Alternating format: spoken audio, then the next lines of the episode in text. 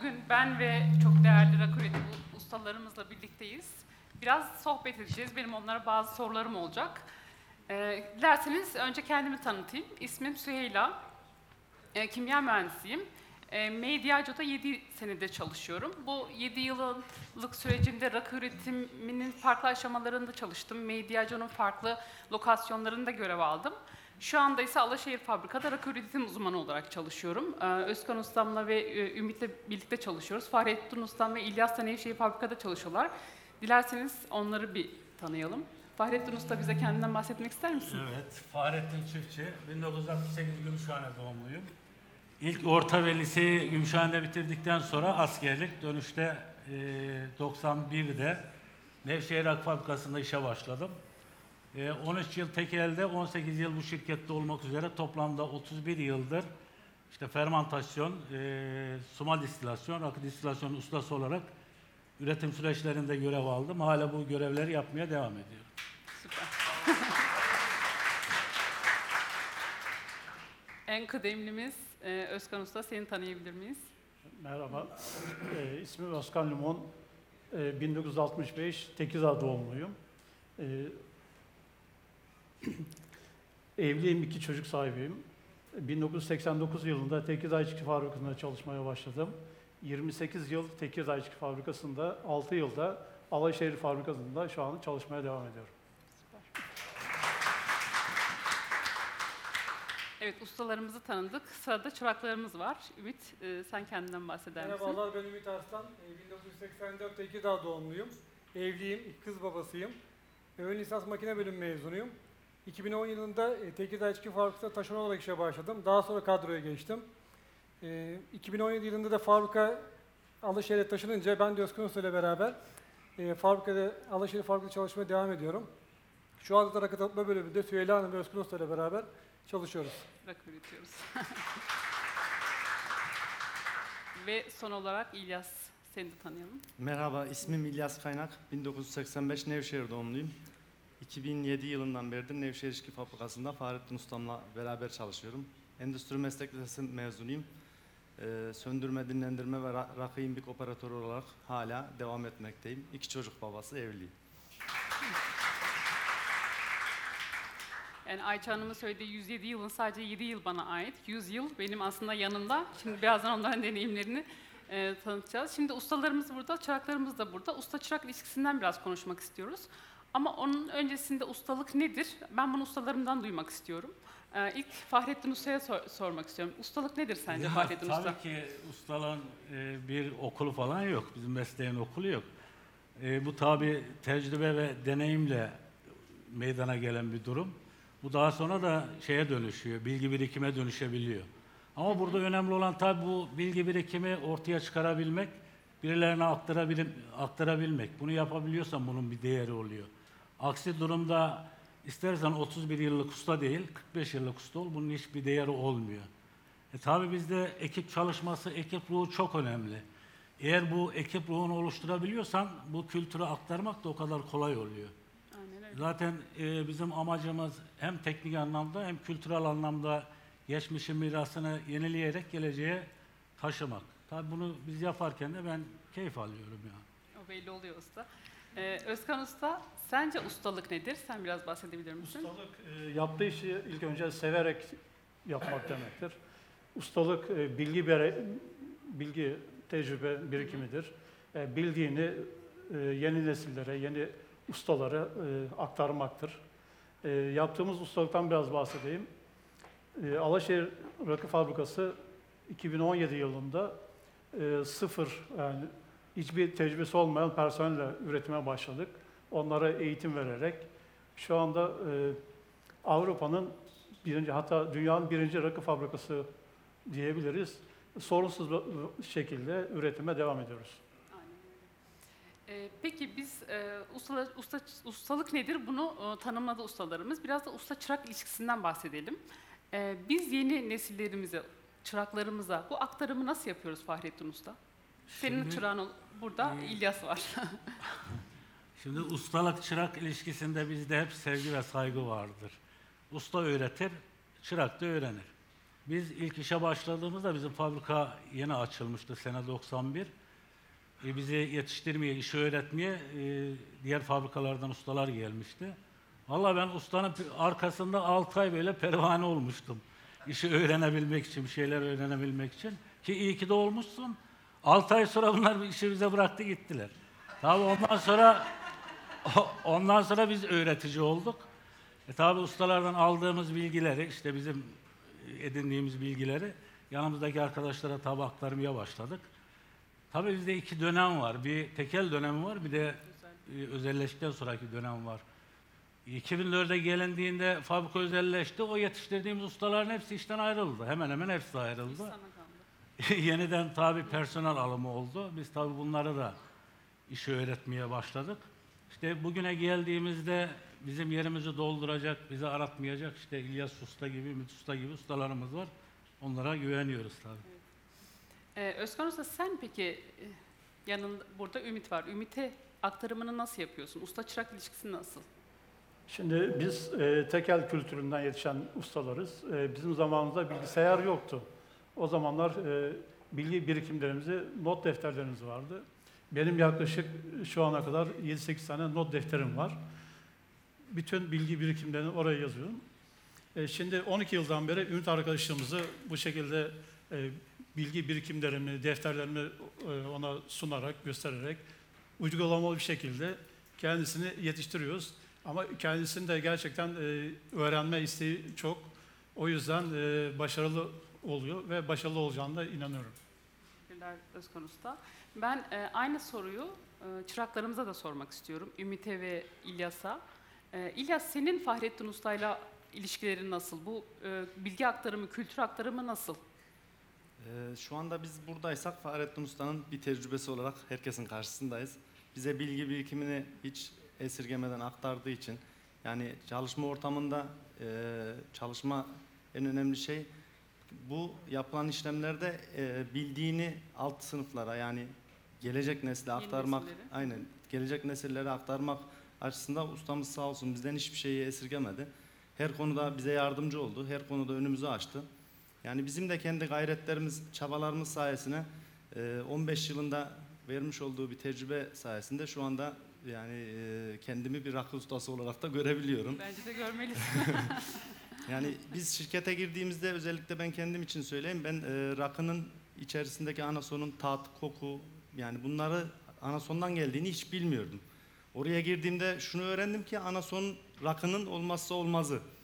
Yani bunun gibi birçok tecrübeye sahip olduk ustamız sayesinde.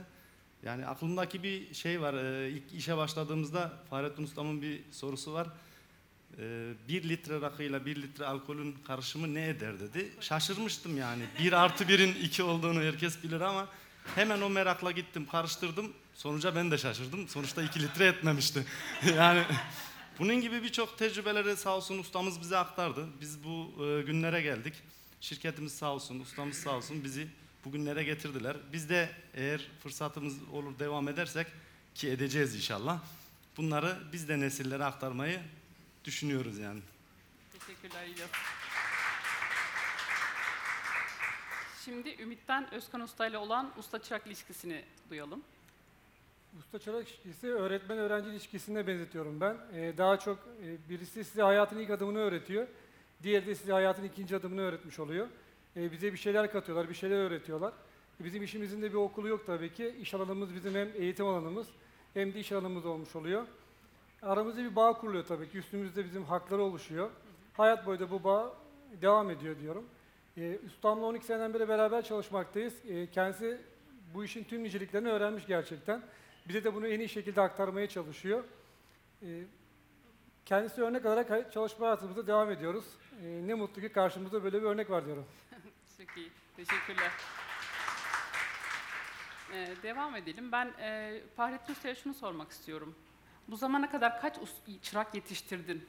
Kaç rakı ustası yetiştirdin desem bize bir sayı verebilir misin? Ya şimdi tabii sayı vermek çok zor ama tekel dahil herhalde yüzün üzerinde bir operatör yetiştirmişliğimiz vardır. Şahane. Ama tabii biz sırf operatör yetiştirmiyoruz. Giren çıkan taşeronları da eğitiyoruz. Hatta bunun yeni giren e, mühendislerimize bile yardımcı oluyoruz. Dolayısıyla sayı vermek zor ama böyle de bir sayı var. Ona sonra gelecektim. ama yar- biz sadece yardımcı oluyoruz yani. Çok yardımcı oluyorsunuz. Yetiştirmiyoruz. yani. Özkan Usta sen e, kaç tane usta çırak yetiştirmişsin? Bir sayı verebilir misin? E, Benim Fahrettin Usta'dan daha fazla çünkü e, Kremin de daha ikinci fazla. fabrikada çalıştığım için e, her iki fabrikada da tabii başlangıçta işi bilmeyen e, operatör arkadaşlara falan, temizlik ekibine, yeni ustalara falan yaklaşık 150-200 civarında diyebilirim. Şahane. Şeyi Peki. atladım ben. Şeye, Tabii ki. tekel, Söyle. tekel döneminde tekel döneminde e, Alaşehir ve Karamasuma fabrikaların ilk açılışında ve personel yetiştirilmesinde ben görevli gitmiştim. 6 ay Alaşehir'de, 3 ayda Karaman'da personel yetiştirmede Orada da geçici iyisin. görevde bulundum. evet. Onlar yüzün içerisine dahil değil diye anlıyorum. Ya. Peki. Çırakların çıraklarıyla bir olabilir belki evet. Peki Fahrettin Usta kaç imbik doldurdun desem ve e, dinleyicilerimizin de anlaması için bunun bir litre karşılığını da bize söyleyebilirsen sevinirim. Valla herhalde e, 150 bin üzerinde imbik doldurmuşluğumuz vardır. Ne kadar rakı E, yapar? bunun yaklaşık 400 milyon litre rakı üretmişizdir yani. 400 milyon. Yani. evet. Özkan Usta senin skorlarını da merak ediyoruz. E, Bizim e, yaklaşık 250 bin e, imbik yani bu da 2 660 bin litre rakı yani 660 bin tane Milyon. litrelik e, şey yapar. Büyük büyük yapar. Evet. Ee, devam edelim Tamam. isterseniz. Ben, ben şimdi şunu sormak istiyorum ustalara. Rakı üretim prosesini gözümün önümüzde bulunduralım. Ee, en çok rakıda ustalık gerektiren aşama sence nedir Fahrettin Usta? Ya şimdi e, biz ilk 92'de e, rakı üretmeye başladığımızda sadece e, kuru üzümden bir sumayı elde ediyorduk. O sumadan da yeni rakı yapıyorduk.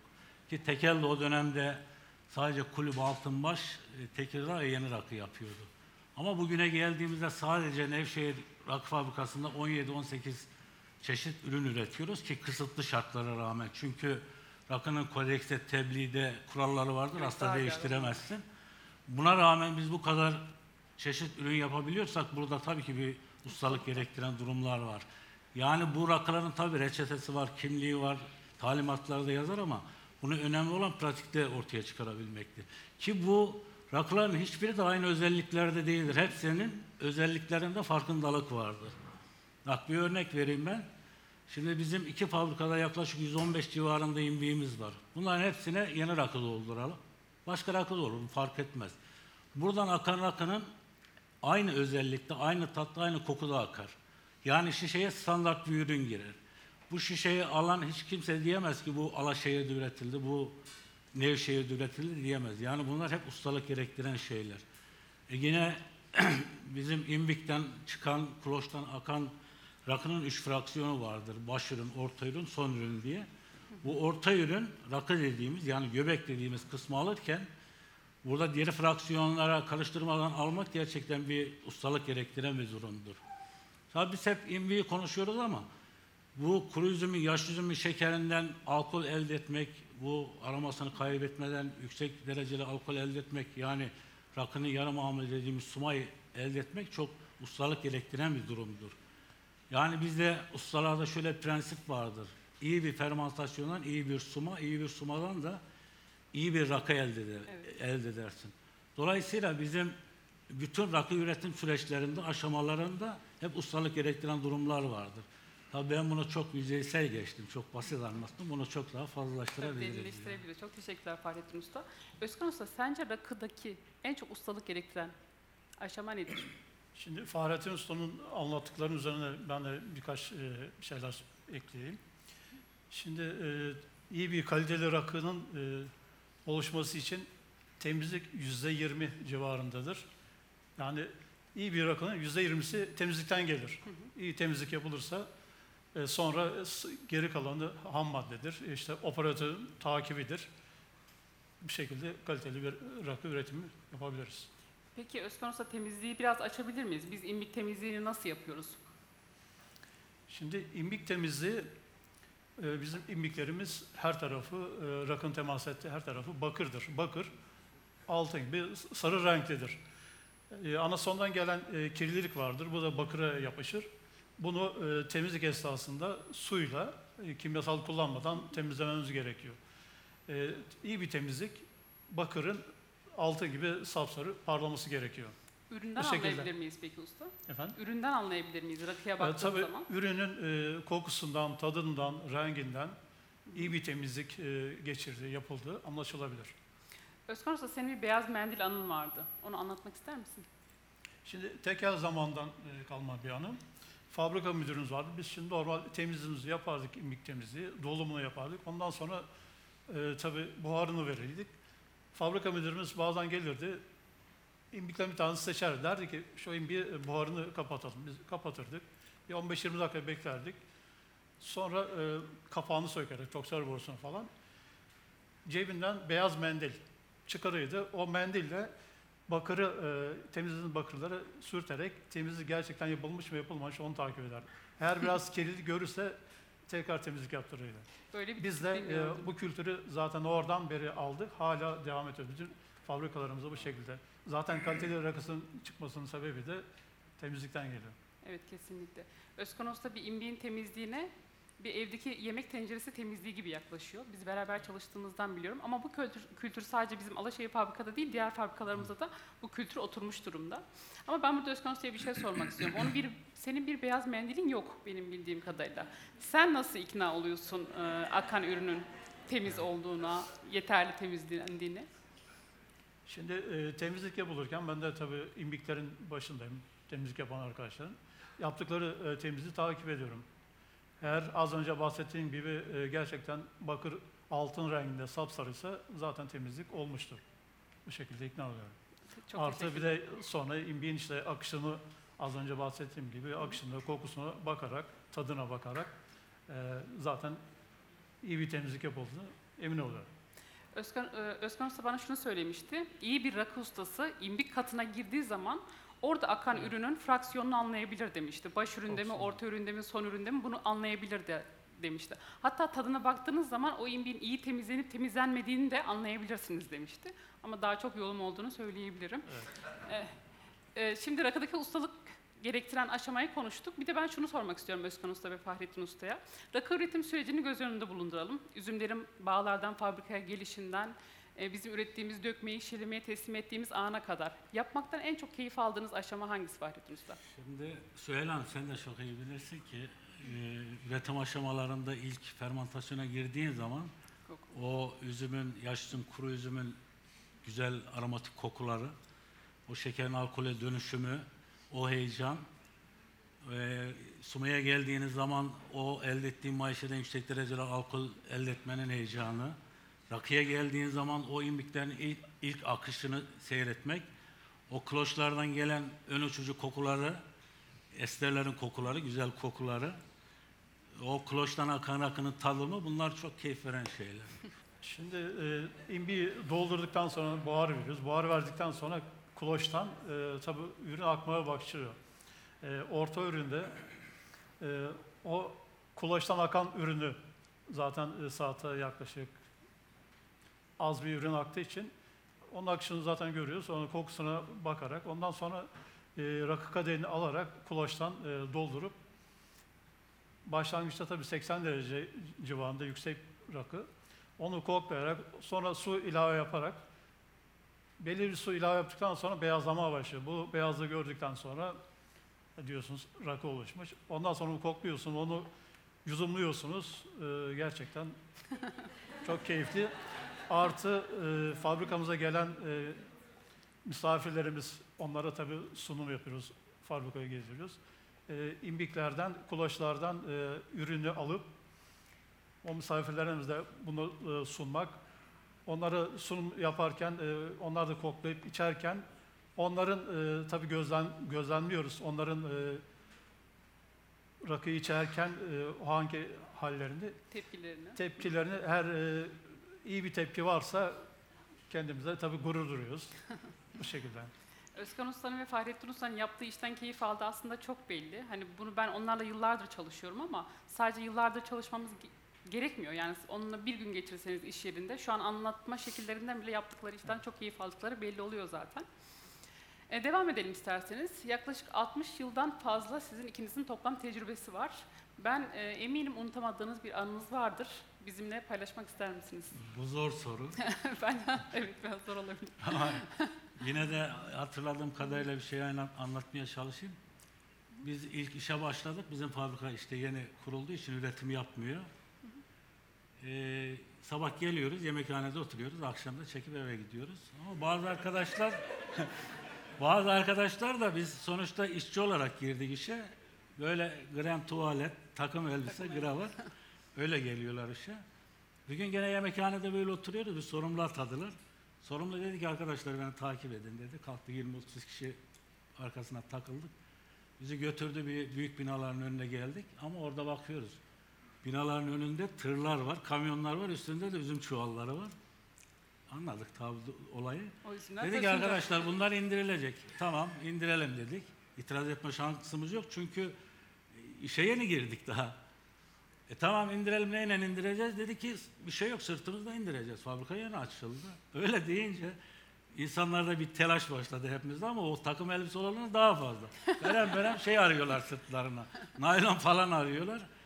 Sonuçta buldular geldi o gün üzüm indirdik. Bir gün sonra tabii takım elbiseyle gelen olmadı ama. Onu soracaktım ben de. gelen olmadı ama o sezon gerçekten asansör de yok. O ambarlar hep sırtta. Üzümler sırtta dolduruldu. Şimdi baktığın zaman işte nereden nereye diyebiliriz Evet yani. kesinlikle. Böyle bir durum. Rakı üretiminin fabrikadaki ilk aşaması da gelen üzümün indirilmesidir. Aynen. Sen ilk iş gününde direkt ilk Tabii. basamaktan başlamışsın. Aynen. Özkan Usta sen paylaşmak ister misin? Şimdi 34 yıldan beri çalıştığımız için e, bir sürü böyle anılarımız var. E, Bunların içerisinden bir iki tanesini anlatabilirim. E, İlk girdiğim yıllar fabrikaya beni Suma distilasyon bölümüne çalışmaya verdiler. Daha ilk günüyüm. E, 8-6 çalışıyorum. Yanımda iki tane mavi yaka bizden büyük personel var. Öğle saatinde bunlar ikisi beraber yemeğe gittiler. Beni yalnız bıraktılar. Daha ilk günüyüm. Sonra bunlar gittikten sonra e, sistem tabii e, buharla çalışıyor. E, buharda bir aksam oldu. E, buhar e, tüketimi yani geliş azaldı. Birden sistem e, durdu. Durunca tabii bu taraftan e, Mayşe e, kolona gitmesi gerekiyor. Pompa çalışmadığı için besleyemiyor. Bu sefer kloştan e, suma dediğimiz başladı o taşma. Şimdi ben bir telaşlandım daha ilk günü. Ne yapmam gerekiyor? Hemen aklıma şey geldi. Buhar vanasını kapatmak. Kapattım. Kapatınca e, taşma kesildi. E, tabii biraz sonra ustalarımız geldi.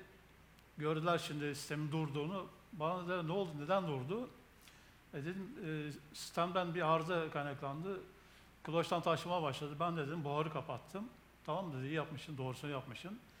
Ben de bunlara çıkıştım. Yani dedim ki ya ilk günü be- beni neden yalnız bıraktı? Yani biriniz gidip biriniz kalsaydınız ya dedi ki bu şekilde de işi daha kolay öğrenebilirsin. E, gerçekten gerçekten yani söyledikleri doğru. Orada hem kendimin özgüvenim arttı. Yani ben bu şey yapabilirim diye kendime gerçekten güven geldi. Yani öyle bir anım var. Bir de başka bir anım var. Zamanınız varsa onu da anlatabilirim. Onu da bahset usta kısaca. Ee, tekel zamanı e, beraber çalıştığımız dillendirme tarafında bir ustamız vardı. Her zaman gelen misafirlerimize e, işte Marmara Denizi kadar rakı yaptım derdi. Aslında rakıyı rakıyı üreten biziz. Yani Suma geliyor, anason geliyor, onu biz rakı üretiyoruz. Dinlendirme tarafına gönderiyoruz 80 derece rakıyı. O sadece su ve e, şeker ilave yapıyor. Fudurları çekiyor, orada dinlendiriyor. Her zaman e, bunu söylüyor. Ya ben de gerçekten alınıyorum.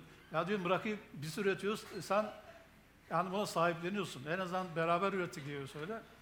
Onu söylemedi. Sonra e, Alaşehir'e gelme e, durumum belirdi. Sonra ben de kendisine dedim ki usta sen e, Marmara Denizi'ni doldurdum. Bana burada yer kalmadı. Ben Ege Denizi'ne gidiyorum. Alaşehir'e Ege Denizi'ni dolduracağım ve devam ediyoruz doldurmaya. Evet şu anda Bu Ege şekilde Denizi'ni doldurmaya devam ediyoruz.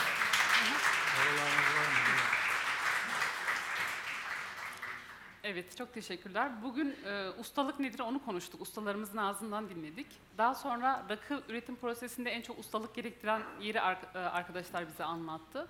Daha sonrasında en keyif aldığı yerleri ve unutamadıkları anılarını anlattılar. Ben de yeni nesil bir rakı üreticisiyim. Onların yetiştirdiği çıraklardan sadece bir tanesiyim aslında.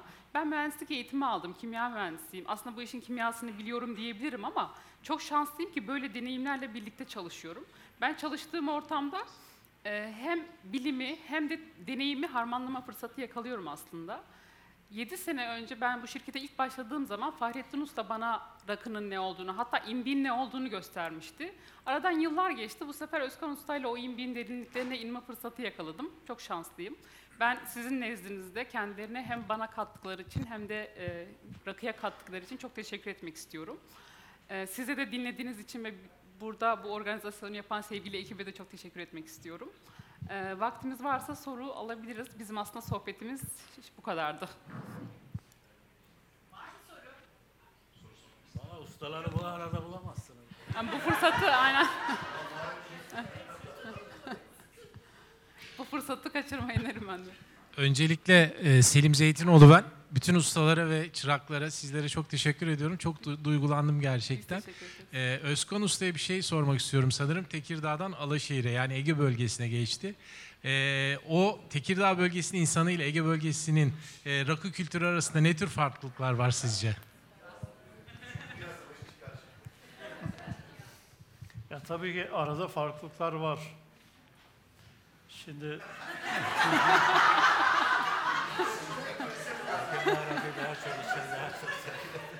İkna oldunuz mu bilmiyorum ama arada farklılıklar var.